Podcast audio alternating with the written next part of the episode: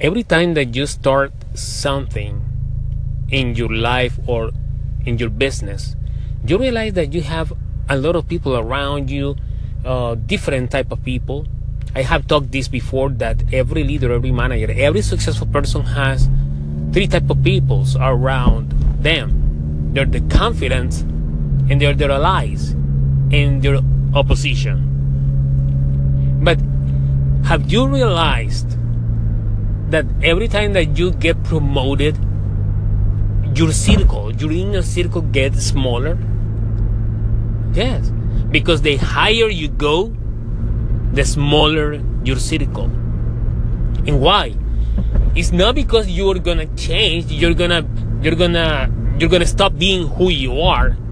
The problem is that if you go to the next level, you got more responsibilities, you have to be more wise how you invest your time, your effort, your energy, and you have to be more selective in the way you use your time and more selective about your friends, about your circle.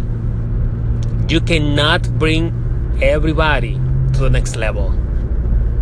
First of all, there will be people that will leave you even when you're down. When you are just starting, there will be people that will leave you. In the middle of your story, there will be people that will leave you. And even when you go high, there will be people that will leave you. That's why every successful person, every manager, every leader, every entrepreneur has to realize that people will leave them, but they will have to leave people too. On your way to success, you will have to leave people behind and not because you don't want to share with them, it's because their role in your story has ended. And that's the point. You cannot bring to the next level the same type of people that you were on the on the previous level.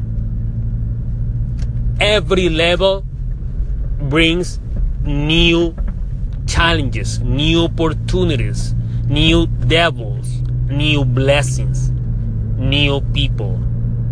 And the people you select to go to the next level with you have to be really people selected by you because of all the value and the love they give to you and the support. Because if you want to climb to success, if you want to go higher, you have to have the right support around you.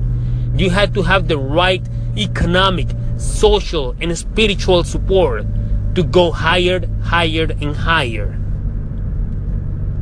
It's not the same when you started, when you're growing, when you're stagnant, and when you are renewing yourself, and when you're rebuilding something.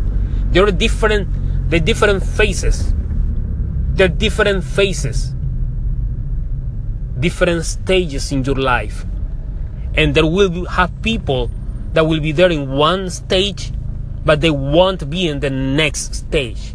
That's why our life is about levels. You continue growing yourself, you continue growing your business. But remember, the higher you go, the smaller your circle. You cannot have everybody, all the people that you started in your story on your way to success, all the people that started with you, they won't be at the end of your story. They will have a role to comply, an objective to achieve, and they will leave you.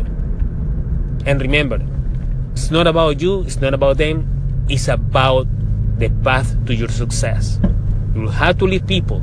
You have to understand that you cannot attach nobody to nobody. You cannot stick to nobody. You want to be successful. People come and go. One more time. Keep in mind this. The higher you go, the smaller your circle.